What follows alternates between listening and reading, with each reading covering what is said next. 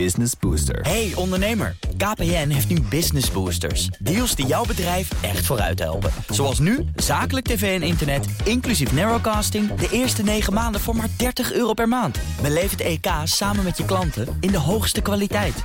Kijk op kpn.com slash businessbooster. Business Booster. BNR Nieuwsradio. The Big Five. Diana Matroos. De democratie staat wereldwijd steeds meer onder druk. Ook in ons land is de druk voelbaar. Wat staat er op het spel? Wie zijn er afgehaakt als het om onze democratie gaat? En hoe zijn we daar aanbeland en welke impact heeft dat? En vooral ook, waar liggen de oplossingen? Dat ga ik deze week onderzoeken in BNR's Big Five van de democratie onder druk. En dat doe ik met vijf kopstukken. En vandaag is dat uh, Sophie van Leeuwen. Zij is onze eigen politiek verslaggever hier op BNR. Al twintig jaar werkzaam in de journalistiek, zowel binnen als buitenland. En de laatste vier jaar doet ze dat voor deze radiozender in het centrum van de politieke macht Den Haag. Sophie, super dat je daar bent, zelfs op jouw eigen verjaardag. Ja, dankjewel. Ik uh, ben vandaag inderdaad op Halloween uh, 45 geworden. Mag ik eigenlijk niet zeggen. Wel fijn dat je mijn kopstuk noemt trouwens. Ja, toch? Dat is toch mooi? En, uh, en, je mag ook de weken aftrappen. dus we gaan echt met jou nou ja, die eerste contouren zetten... hoe dat nou in elkaar zit met onze democratie. De stand van de democratie en ehm, ook hoe die in coronatijd kantelde... ga ik zo meteen met je afpraten, want je hebt een fantastisch boek geschreven. Ja, hier ligt hij. Ja, stilte, op het Binnenhof. Stilte op het Binnenhof, want toen was een belangrijk kantelmoment als het over onze democratie in Nederland gaat. Maar voordat we dat gaan doen, wil ik eerst twee dingen van je weten. Wat versta jij onder democratie? Nou, in het Grieks is het volgens mij het volk aan de macht. Uh, dus demos kratos. Ja. Ik heb zelf geen gymnasium gedaan trouwens, maar... Dus nou, ik, ik wel, dus ik, die kan ik me nog herinneren, ja. De rest is allemaal weggezakt. En, en het, ja, het wordt natuurlijk gezien als het summum van uh, politiek systeem. Het volk heeft het voor het zeggen. En, en wij hebben elk jaar verkiezingen in dit land. Dus uh, komend voorjaar weer de Provinciale Staten. Komt bijna niemand opdagen, volgens mij. Ik hoop van wel. En uiteindelijk is het, gaat het er ook om, want je kiest één keer in de zoveel jaar... dat je die macht dan controleert. En daar zijn wij voor, de journalisten... Maar maar ook natuurlijk het parlement. Um, dus dat pak jij eruit als het allerbelangrijkste als het over de democratie gaat: het controleren van de macht. Nou ja, je mag dus wel af en toe meepraten, maar dan moet je vervolgens wel elke dag updaten van hoe gaat het met onze democratie. En daar hebben we misschien ook niet genoeg aandacht voor gehad afgelopen jaren, want we vonden dat zo vanzelfsprekend in, in Nederland helemaal, in het Westen. En we zijn toch een democratisch land. En je ziet wel dat vandaag de dag iedereen daar wel steeds meer vraagtekens bij heeft. Gaat het eigenlijk wel zo goed met onze democratie. Het tweede wat ik van je wil weten: vrije media zijn natuurlijk ook een belangrijk onderdeel van een gezonde democratie. Hè? Ook een beetje in het verlengde uh, van wat je net zei. Voel je als journalist nog vogelvrij in een tijd waar gewoon bedreigingen steeds meer aan de orde van de dag zijn? Dat staat er ook wel onder druk. Uh, ook met social media natuurlijk word je op Twitter best wel vaak uh, uitgescholden. Of je wordt een beetje weggezet als uh, ja, dat, dat mevrouwtje dat daar in Den Haag rondloopt. En, of, ja, je kunt het eigenlijk bijna niet goed doen hè, op Twitter. Mm -hmm. dus, nou ja, niet alleen op Twitter, ook in de Kamer. Kijk maar naar het Kamerlid van Forum voor Democratie met Merel Eck, de journalist. En dat, dat is dan doelbewust journalisten achtervolgen in de wandelgang. Uh, dat is uh, onlangs gebeurd rondom het reptiele vraagstuk. En uh, ik vraag me inderdaad af of komende week misschien er nog wel een camera voor mijn deur staat te draaien. om, om mij eens een, een, een, kritische vraag te stellen over, over Forum en een gesprek wat ik had laatst over. Word je nou wel of niet gefinancierd door het Kremlin of Poetin? Was gewoon een vraag. Ja.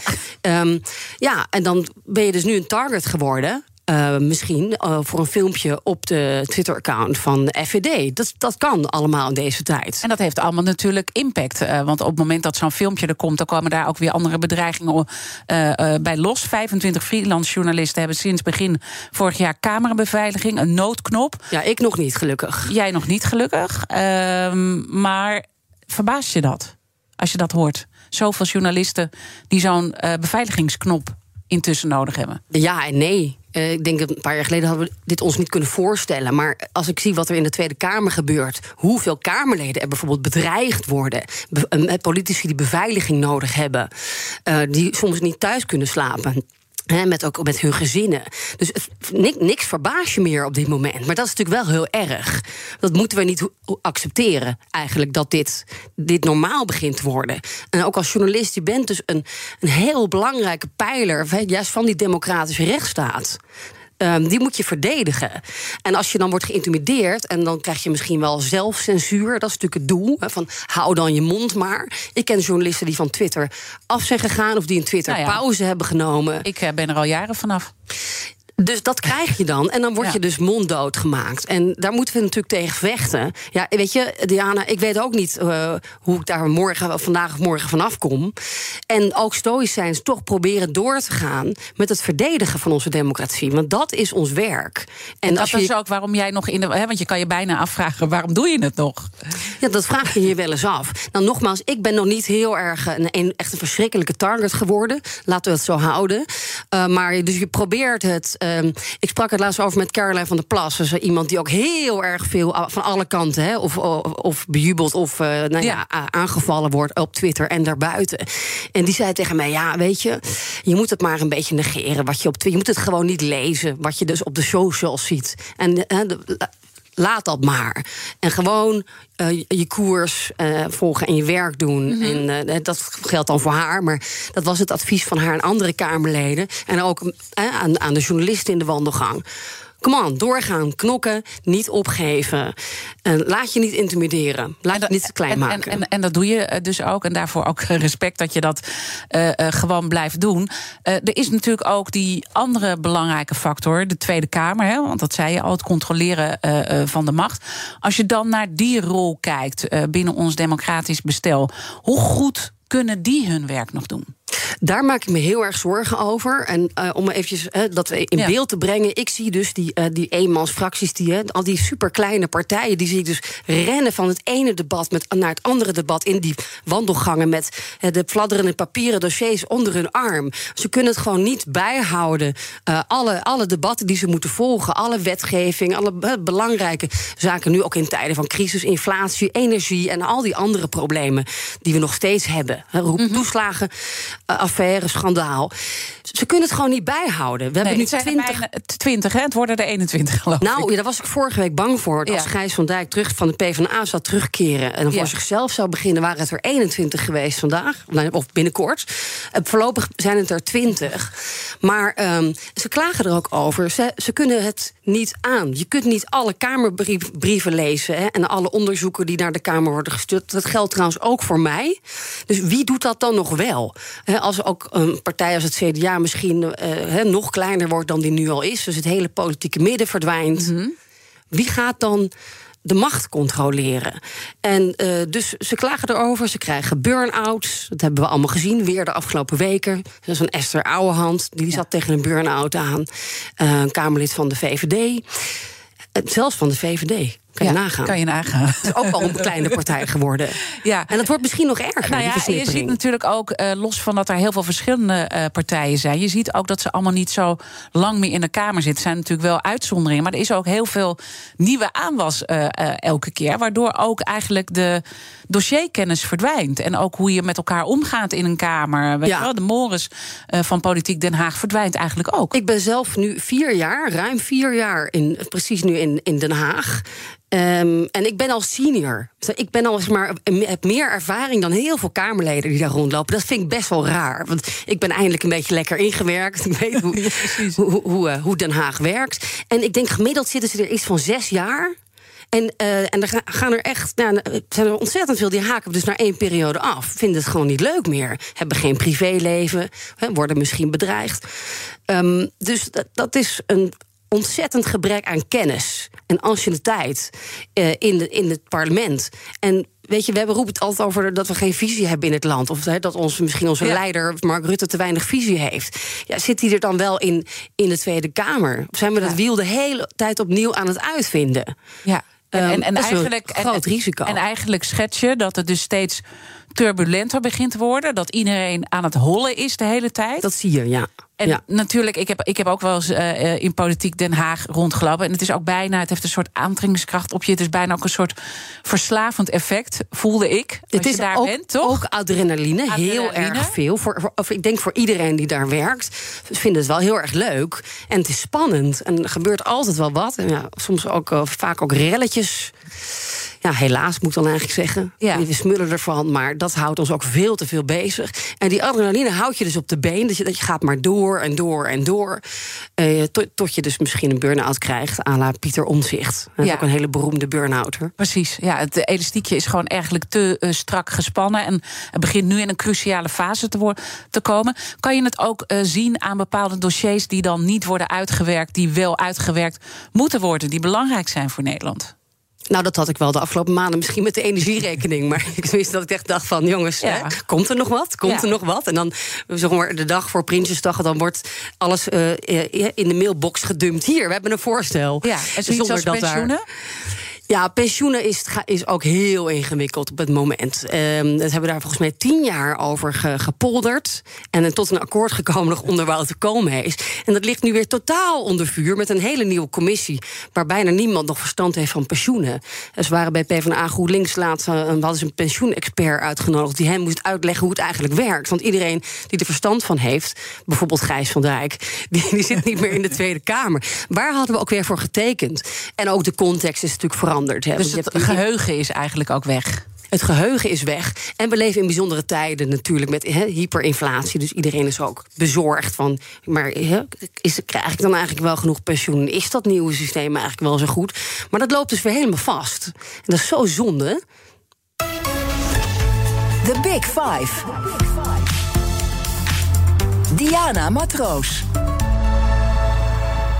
Mijn gast is Sophie van Leeuwen, politiek verslaggever op onze eigen radiozender BNR. Eh, Critici zeggen dat de coronacrisis de democratie weinig goeds heeft gebracht.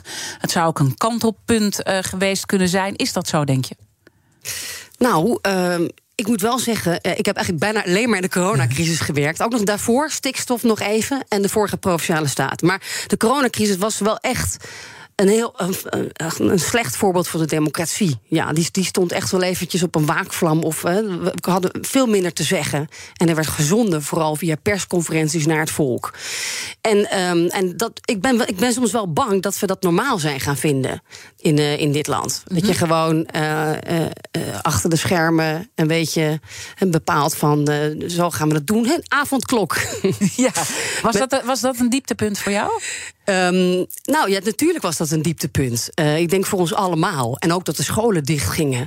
En dat er dan eh, adviezen zijn, eh, OMT-adviezen, waar je dan geen inzage in hebt. Terwijl die persconferentie zeg maar, naar, naar het hele volk Ja. schijnt. En eh, het, het eigenlijk al een, een- een waarheid, een feit is geworden. Zonder dat je daar van tevoren op- van op de hoogte wordt gesteld. Van de onderbouwing daarvan.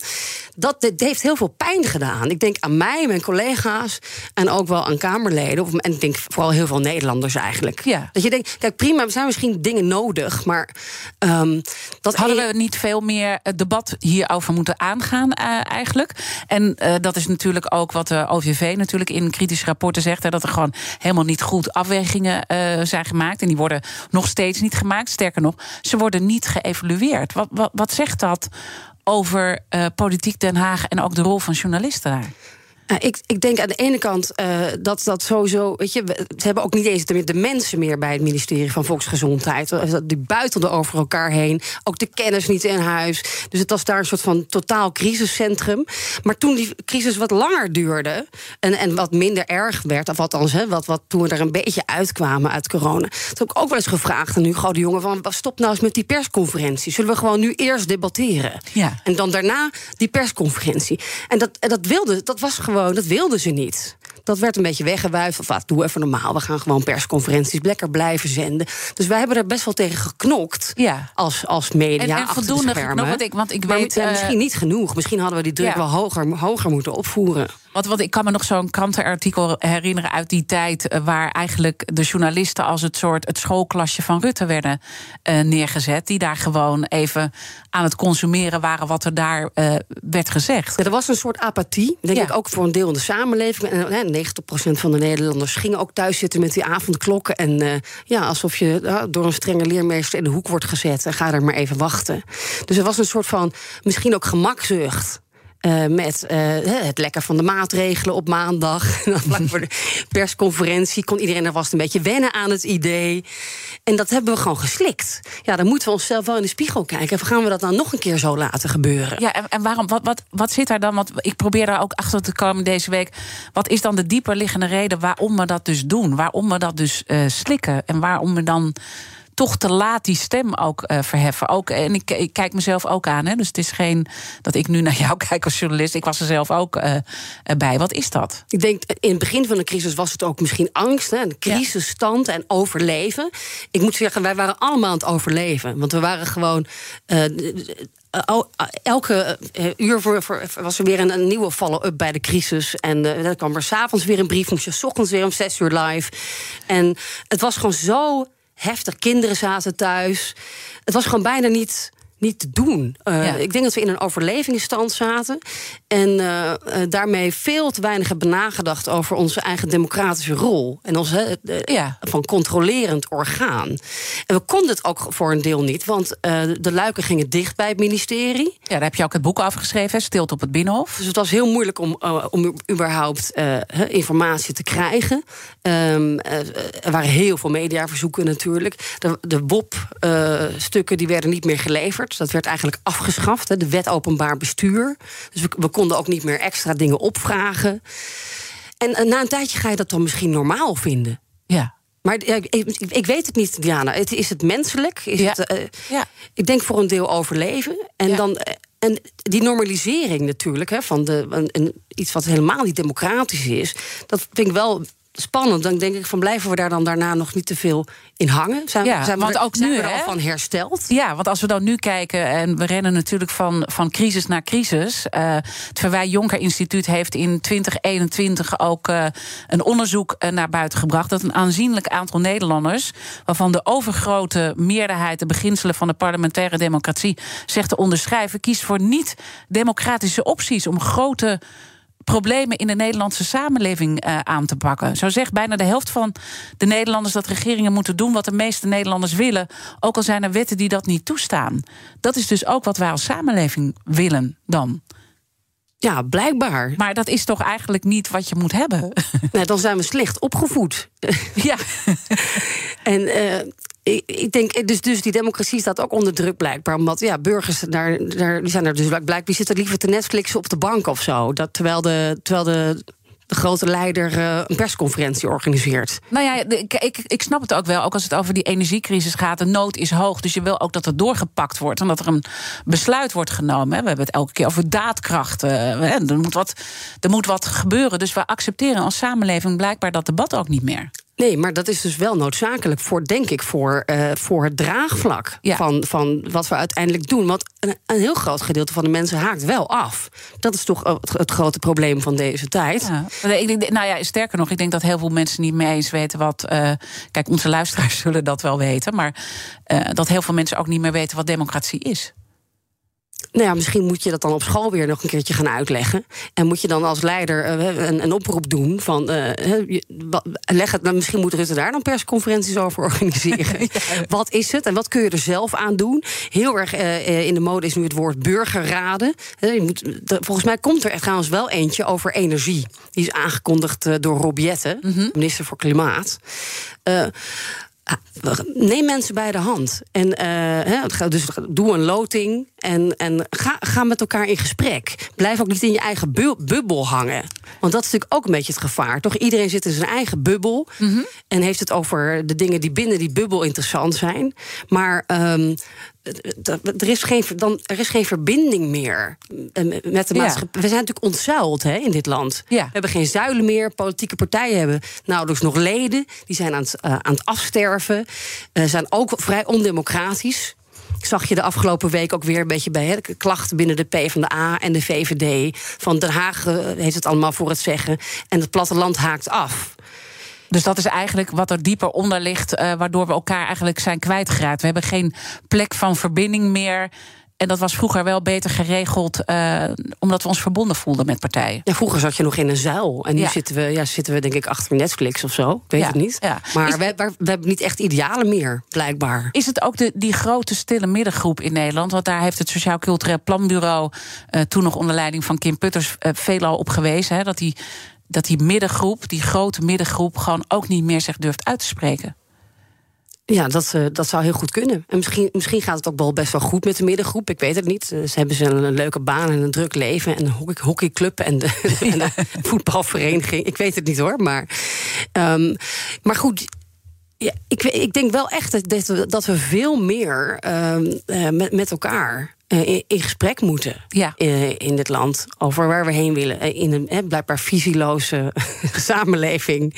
Eh, en, en we hebben nogal wat problemen. Hè? Dus we hebben natuurlijk het stikstofvraagstuk. Ja. En we hebben de, de asielcrisis eigenlijk waar we nu in zijn beland. Ik stel voor dat we dan eh, zo- meteen daar eh, meer de diepte over ingaan. Welke uitdagingen nog meer op ons pad komen. De toekomst eigenlijk van onze democratie. Hoe we dat beter kunnen regelen eh, met elkaar. En ook jouw ervaringen eh, met Afrika. Waar je hebt gezien die keerzijde als het gaat over een democratie echt onder druk. Blijf luisteren. Business Booster. Hey ondernemer, KPN heeft nu Business Boosters. Deals die jouw bedrijf echt vooruit helpen. Zoals nu, zakelijk tv en internet, inclusief narrowcasting... de eerste 9 maanden voor maar 30 euro per maand. Beleef het EK samen met je klanten in de hoogste kwaliteit. Kijk op kpn.com slash businessbooster. Business Booster. Krijgen we in Nederland nou echt de beste zorg? Kunnen we met wearables, AI en zorgrobots allemaal gezonder oud worden? Dat onderzoek ik in BNR Beter. Nina van den Dungen. Medische drones, geprinte medicijnen, de nieuwste technologie in ziekenhuizen. Dat komt allemaal langs in BNR Beter. Elke maandag om half vier en altijd als podcast. BNR Beter wordt mede mogelijk gemaakt door Philips. Op naar betere gezondheidszorg. Blijf scherp. BNR Nieuwsradio. The Big Five. Diana Matroos. Welkom bij tweede halfuur. Deze week praat ik met vijf kopstukken uit de wereld van de democratie. Later deze week zal ik nog spreken met Hanke Bruins-Slot, minister van Binnenlandse Zaken en Koninkrijksrelaties. Mijn gast vandaag is Sophie van Leeuwen, onze eigen politiek verslaggever hier op BNR. En auteur van het boek Stilte op het Binnenhof. Dat ze schreef eh, samen trouwens met een andere eh, collega. Laurens Boven. Ja, ja die, die, tenminste ex-collega moet ik, eh, moet ik zeggen. En dat was eigenlijk ook een kantelpunt voor de democratie... waar je eigenlijk geen vragen gesteld meer konden worden... en eigenlijk de macht niet meer gecontroleerd kon worden. Overigens, we hebben een luisteraar, begrijp ik. Eh, nou, ik kreeg net een eh, appje van ook een kritische hè, corona-meneer, eh, Wieberen van Haga, Tweede Kamerlid. Die zegt tegen mij: mooie reflectie over de apathie van de journalisten in de corona-episode. Maar de hand mag wel iets meer in eigen boezem. Dus nog meer bij alle journalisten. Ik vind het nog steeds traumatisch dat de media, notabene de mensen die opgeleid zijn om kritisch te zijn en aan waarheidsvinding te doen, zo enorm slaafs achter Rutte en de jongen zijn aangerend. Bij elke crisis opnieuw. Dus nou ja, laat het een waarschuwing zijn, in ieder geval voor Van Hagen. Maar ik zei het net zelf ook. Ja. We moeten echt wel alert zijn, want we hebben geen idee. Ik bedoel, democratie is niet vanzelfsprekend. En Nee. ik heb dat ook gezien in mijn carrière eerder. Ja. Als je naar andere delen van de wereld gaat, dan, eh, dan bestaat dat bijna niet. Misschien is dat goed om eh, het komende half uur ook voor eh, te gebruiken. Want ik wil eh, twee onderwerpen nog met je bespreken. De toekomst van onze democratie. En wat voor dingen we nou moeten regelen met elkaar. En of Politiek Den Haag dat nu een beetje handig doet. Met mensen het spreekrecht ontnemen. En al dat soort zaken. En jouw ervaring met, Afrikaanse, met Afrika. Want je hebt als journalist een tijdje over Afrika geschreven. Hoe was dat? Als het over democratie gaat. Hè? Ehm, de, ik, ik maakte wel radioreportages en ook, eh, ik schreef ook wel voor web. Ehm, en dat was voor de Wereldomroep destijds. Ja. En daar reisde ik veel naar met name Franstalig Afrika. Dus de oude Franse kolonies, maar ook Belgische eh, ko- eh, ex-kolonie. Congo, heel interessant. De eh, Democratische Republiek Congo. Mooi. Echt fantastisch. En eh, ja, dat, dat is een fascinerend land waar, eh, waar ik veel journalisten, eh, jonge journalisten heb ontmoet en gesproken en ook dingen samen heb, gedaan. ehm, eh, waar zeer veel zelfcensuur is, eh, omdat eh, journalisten voortdurend worden geïntimideerd. Als je kritiek hebt op het leiderschap. Bijvoorbeeld, toen was dat de president Kabila. Dat was ook voor de verkiezingen. En dat is een zeer ondemocratisch figuur die volgens mij wel 15 miljard euro ergens een bankrekening heeft geparkeerd in het buitenland. En ze zeggen daar ook. ehm, eh, hoe groter de gaten in de wegen van Congo. eh, die, die wegen die staan allemaal vol water als het weer is geregend. Je kunt daar bijna niet rijden. Hoe groter de gaten in de weg, hoe groter de SUV's, de auto's van de ministers en de politici die er overheen willen rijden. Dus ja, Dat geeft, dat geeft wat aan. Eh, en, en het was dus heel moeilijk om daar ook kritische vragen eh, te stellen. Dat heb ik geprobeerd. Ja, ik heb dan nog Ja. een keer een format gemaakt eh, met journalisten en dan problemen in, in Congo eh, aankaarten en dan nou, langsgaan bij bestuurders.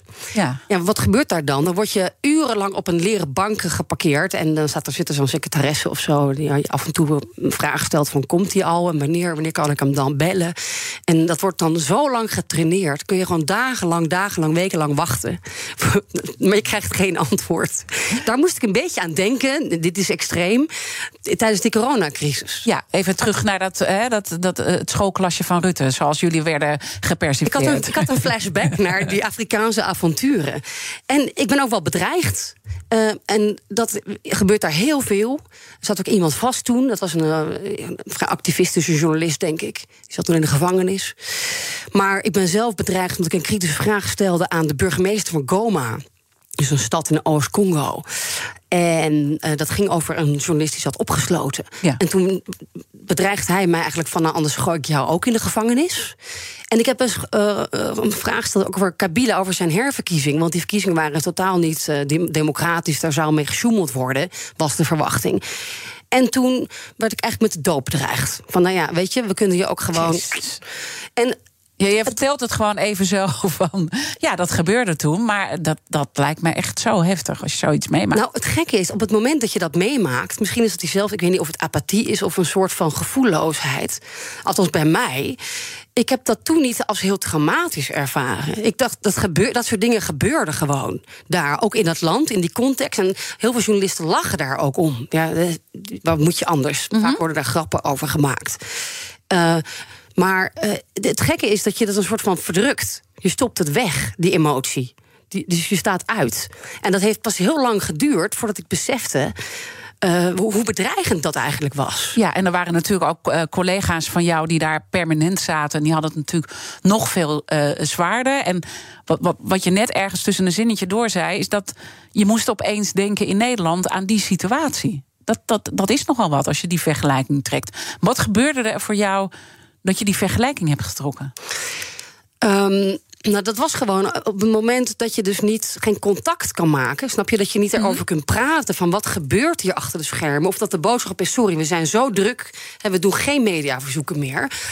Dan voel je je, dus ik, ik ben in Nederland niet met de, de dood bedreigd tijdens de coronacrisis. Hè, maar wel die deur die in je gezicht dichtklapt. Maar ook het parlement, weet je, op bepaalde de, de commissievergaderingen werden afgeschaft. Dus er kon niet meer echt inhoudelijk worden gedebatteerd. Dan, eh, ja, dan voel je je eh, ja, opgesloten eigenlijk. Ja. Je kunt geen kant op. Je kunt wel gissen van wat er aan de hand is. Vervolgens krijg je dan een, eh, een persconferentie op je afgestuurd. En dan, ja, dan, dan, dan moet je het daar dan mee. Je moet het doen met hè, de, de kleine kruimeltjes die je eh, krijgt toegeworpen. Ja, het is een soort eh, eh, mededeling die je dan op dat moment krijgt. Dat, dat is dan weer die, die coronatijd waar dat gebeurde. Want je hè? kunt je werk niet doen. Je, kunt je werk het niet niet doen. echt controleren. Nee, het is ja, en dan ga je in Congo maken mensen grappen daarover. En daar, hè, daar, daar lachen ze dan een beetje om. En vervolgens heb je dan ook nog zelfcensuur. Dat gaat dan over de doodsbedreigingen. Dat je dan uiteindelijk stiekem misschien ook wel bepaalde dingen niet meer durft te zeggen. Of niet meer zegt. En is dat dan nu ook zo? Als we, als we nu naar deze tijd kijken, even los van corona, maar de tijd waarin we nu staan, zitten we nu in een klimaat met elkaar dat we eigenlijk dingen niet meer durven te zeggen met alle gevolgen van die. Want volgens mij wil je ons ook ergens voor waarschuwen wat het schrikbeeld is. Dat, dus dat is het uiterste schrikbeeld. Dus de zelfcensuur in Afrika. Wat ik heb gezien. En hier, tuurlijk, er zijn mensen dus die zich laten. Die dus, die dus stoppen met twitteren bijvoorbeeld. Er zijn mensen die stoppen met journalist zijn. Eh, omdat dat misschien toch niet zo leuk en sexy meer is als, hè, als we ooit dachten toen we dat gingen studeren. Die verhalen zijn er wel. Ja. En daar moet, je- dus je moet daar heel erg uh, je bewust van zijn hoe, hoe kwetsbaar het is. hoe gevaarlijk het kan zijn. En ik zeg niet dat we nu hier in Congo zijn terechtgekomen. Maar uh, dit, dit, is heel broos wat we in onze handen hebben. En dat moeten we nogmaals bewaken. Daar moeten we voor knokken. Ja. Het eerder al in deze uitzending. En als je dan kijkt uh, hoe dat uh, in die politieke arena gaat in Den Haag, hè, want je zit nu vier jaar in het centrum uh, van die politieke macht. Hoe, hoe vind je dan dat iedereen daarmee omgaat? ministers, Kamerleden, hè, als het ook om bedreigingen gaat die gewoon al worden geuit nu. En, en die gaan soms ook best ver. hoe mensen worden begrensd in de Kamer. Doen we het op de goede manier?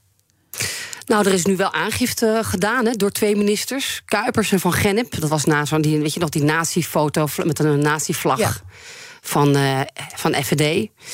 Dus, dus ik, ze zijn wel op een punt beland dat ze het eigenlijk ook niet meer pikken. Of dat ze zeggen: ik, ik laat het nu niet meer over me heen komen. Nu gaan we zelf ingrijpen. Dat vind ik wel ja, weet je, vind ik wel positief. In die zin dat je moet gewoon terugknokken. Mhm. als, jij, als jij vindt dat het over, iemand over jouw grenzen heen gaat. Mhm. Je kunt duiken. Je kunt, of je kunt naar ze toe gaan misschien en, en, en een gesprek aangaan van jongens. Zo, zo, doen we dat niet in dit land of zoiets. Maar ik mhm. weet niet of dat helpt. Dus je moet uh, dat, dat punt is wel bereikt bij velen. Maar, ehm, maar, maar, maar, heeft dat soms ook wel eens een verkeerde uitwerking? Dat, dat mensen eigenlijk. Hè, want ik bedoel, de, de mensen in de Kamer zijn natuurlijk wel gewoon uh, volksvertegenwoordigers. Ze zijn gewoon gekozen. Uh, en je zag, nou ja, eerst een beetje de, de, de reflex om te negeren. Nou, nu heel lang genegeerd. Ja, heel lang genegeerd. En je ziet gewoon die, die, die, die, dat parlement en, en, en het kabinet worstelen. Hoe moeten, hoe moeten we hier mee omgaan? weglopen uit de Kamer. Is dat dan de manier om ermee uh, om te gaan? Want het zijn wel, whether you like it or not, het zijn wel volksvertegenwoordigers. Ja. Achteraf gezien was weglopen misschien een beetje ongelukkig. Maar goed, het was ook een soort van ultieme denk ik, poging van uh, dit, dit, dit, pikken we niet meer of dit trekken we niet meer. Het was wel een signaal. Dat is een signaalfunctie. Uh, vervolgens lijkt me het heel uh, niet, niet echt een goede oplossing om nu elke keer weg te gaan lopen. Mhm. Dat lijkt me niet. Je zit natuurlijk wel uh, bij de schorsing van uh, Baudet, was dat vorige week, uh, of anderhalve week geleden, dat daar ook een punt is bereikt. Van oké, tot hier niet verder. Feitelijk is die man twee dagen geschorst. Dus ja. daar hebben we het over. Maar er worden wel signalen afgegeven van hier ligt onze grens. Ja. En we doen wat we kunnen om, om die te verdedigen. Maar toch vanuit onze democratie dan iemand vanwege bepaalde administratie zaken twee dagen schorsen. Is dat. Uh, uh, ben je dan zelf ook ondemocratisch bezig? Het was trouwens zeven dagen, maar feitelijk er twee, want het viel in het herfstreces. Ja. Dus, uh, nou ja, dat, dan krijg je dus weer de, de, de, de boze reactie van de, de coalitiemensen. Kamerleden zijn nu Forum-Kamerleden, volksvertegenwoordigers aan het cancelen. Dat is natuurlijk de discussie die je dan krijgt. Dus daarmee ja, is het probleem ook niet weg, denk ik. Ik denk dat een bepaalde groep daar juist weer heel erg boos om wordt. Aan de andere kant, het is ophef. We hebben het er nu weer over. Ja. En dat is ook het doel, geloof ik. Ja, precies. Minder ophef. Business Booster. Hey ondernemer, KPN heeft nu Business Boosters. Deals die jouw bedrijf echt vooruit helpen. Zoals nu, zakelijk tv en internet, inclusief narrowcasting... de eerste 9 maanden voor maar 30 euro per maand. Beleef het EK samen met je klanten in de hoogste kwaliteit. Kijk op kpn.com businessbooster. Business Booster. Krijgen we in Nederland nou echt de beste zorg? Kunnen we met wearables, AI en zorgrobots allemaal gezonder oud worden? Dat onderzoek ik in BNR Beter. Nina van den Dungen. Medische drones, geprinte medicijnen, de nieuwste technologie in ziekenhuizen. Het komt allemaal langs in BNR Beter. Elke maandag om half vier en altijd als podcast. BNR Beter wordt mede mogelijk gemaakt door Philips. Op naar betere gezondheidszorg. BNR Nieuwsradio. The Big Five. Diana Matroos. Je luistert naar BNR's Big Five van de democratie onder druk. Later deze week zal ik nog over dit onderwerp spreken met de voormalige Kamervoorzitter Gerdy Verbeet. Mijn gast vandaag is Sophie van Leeuwen, politiek verslaggever bij BNR Nieuwsradio. En uh, mijn gasten stellen elkaar ook vragen via de kettingvraag. Vorige week maakte ik een Big Five maatschappelijke leiders. En mijn laatste gast die week was Martijn Snoep, bestuursvoorzitter van toezichthouder ACM. En Martijn had deze vraag voor jou, Sophie. Wat ik aan haar zou willen vragen is hoe zij haar eigen rol als journalist ziet. We zitten in een gepolariseerde samenleving, in een gepolariseerde democratie. Wat moet je als journalist doen? Ben je een soort neutrale toeschouwer die verslag doet van alle kanten en zelf geen stelling neemt? Probeer je het nieuws een beetje te filteren zodat de polarisatie eraf gaat? Of stel je je op als een scheidsrechter die uiteindelijk een oordeel velt? Nou, ik ben wel benieuwd naar wat de beroepsopvatting van haar is over hoe zij dat voor zichzelf ziet. Een vlijmscherpe vraag. Ja, en ik, um, ik neem stelling op basis van inhoud. Dat doe ik wel. Dus, maar dat doe ik alleen maar op basis van. Uh, nou ja, ook dus, uh, een, iets waarvan ik een, een oordeel. Ik vorm mijn oordeel. Ik informeer mijzelf. Ik, ik, lees me in. Ik vraag wat iedereen ervan vindt. In, in Den Haag. Dus uh, in die zin kan ik wel een beetje sturend werken. En met polariseren, ja. Um, ik, ik denk wel dat ik bepaalde dingen eruit filter. Omdat ik gewoon geen zin heb in elke dag ophefradio. Dus sommige dingen melden wij in een berichtje. En dan ga ik niet de show mee openen. Mhm. Met Baudet heb ik het trouwens wel gedaan toen hij geschorst werd. Omdat het historisch was en voor het eerst. Dus dat is dan gewoon nieuws. Um, maar ik maak wel duidelijk onderscheid. Ik heb geen zin in, in gepolariseerd. Uh, dat is niet onze rol. Uh, op de achtergrond ben ik iemand die denk ik ook altijd in gesprek wil blijven. Dus me, dat ik heel erg menselijk wil zijn, ook met politici van, uh, van alle, alle kanten. Uh, dat ik wel eens, ik ga bij ze langs. Uh, ik maak een praatje uh, in de wandelgang. Dus je blijft altijd nieuwsgierig en wil altijd het gesprek blijven aangaan. Nou, dat is eigenlijk ik, probeer, ik probeer wel te begrijpen wat ze aan het doen zijn en waarom ze dingen doen. En, uh, en ja, dus ik weet niet of ik daar sturend in ben, maar ik, ik probeer gewoon op een menselijke relatie met iedereen te onderhouden.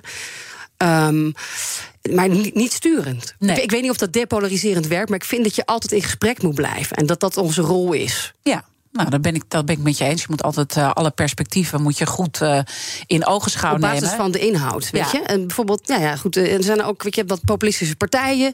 Uh, heel veel mensen die misschien op dit moment heel erg in de stress zitten met een energierekening. Weet je, dat is ook een deel van hun achterban. Dat is belangrijk om te weten wat daar speelt. En wat zij dan weer he, van hun achterban Mhm. horen, bijvoorbeeld. Nou ja, en dit hebben we natuurlijk ook uh, kunnen zien in andere delen van de wereld. Hè, want uh, die democratie staat op meer plekken uh, onder druk. Hè. We hebben dat gezien ook toen Trump aan de macht kwam. Dat komt natuurlijk ook ergens vandaan dat zo iemand aan de macht komt. Die vertegenwoordigt ook een groep die ook heel lang vergeten is. Ja, en op andere partijen ze misschien ook vergeten zijn. Andere ja. partijen die heel erg in een Haagse bubbel zitten.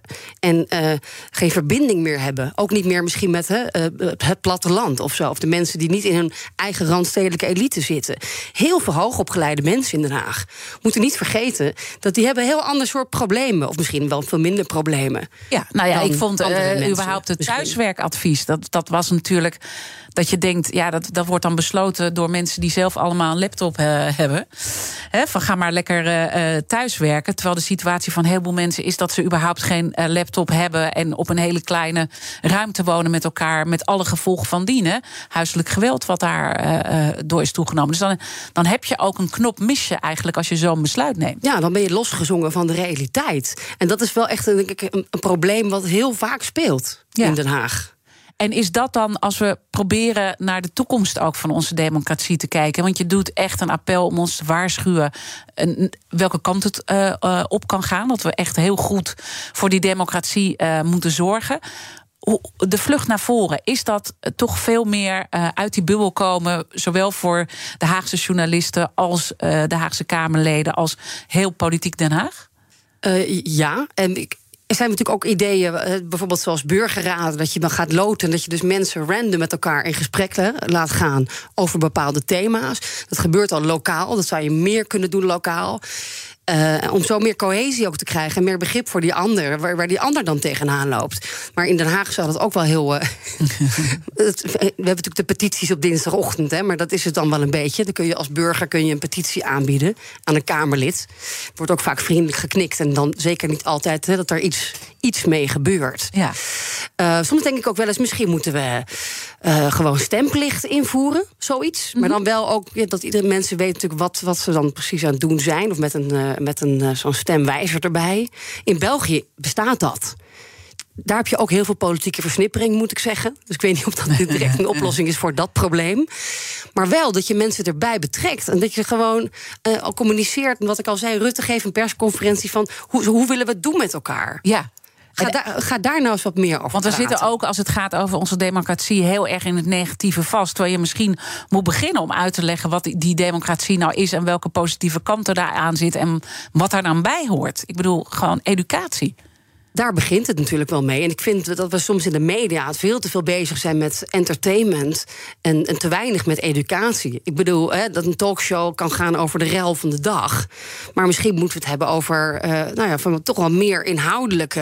eh, eh, zaken. Ja. je, die, waar, waar Nederland nu op dit moment totaal op vastloopt. Dus me- meer, meer inhoud en, en pak die rol dan ietsjes meer.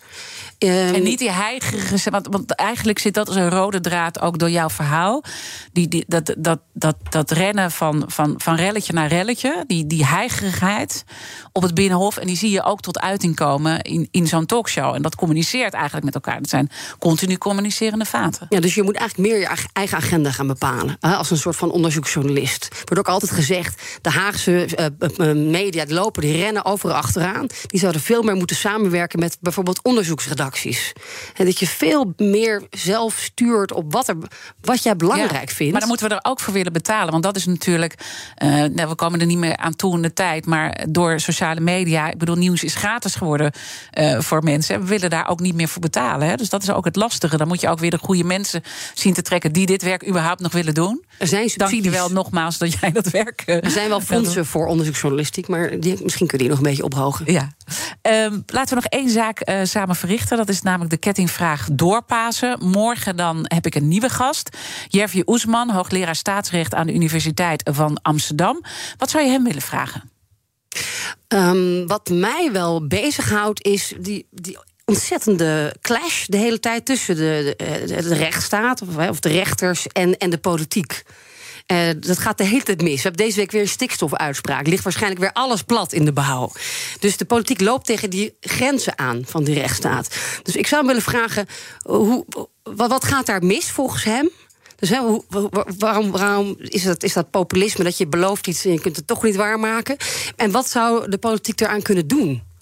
Mooie vraag. Die ga ik hem zeker stellen. En jij gaat nu het Binnenhof weer op? We hebben een heel lang de- debat met Marnix van Rij over het belastingplan. Heel belangrijk. En dat gaan we volgen op BNR. Vandaag en morgenochtend. Duurt tot 11 uur vanavond. Dus die verjaardag van mij die kan ik wel vergeten. Ja.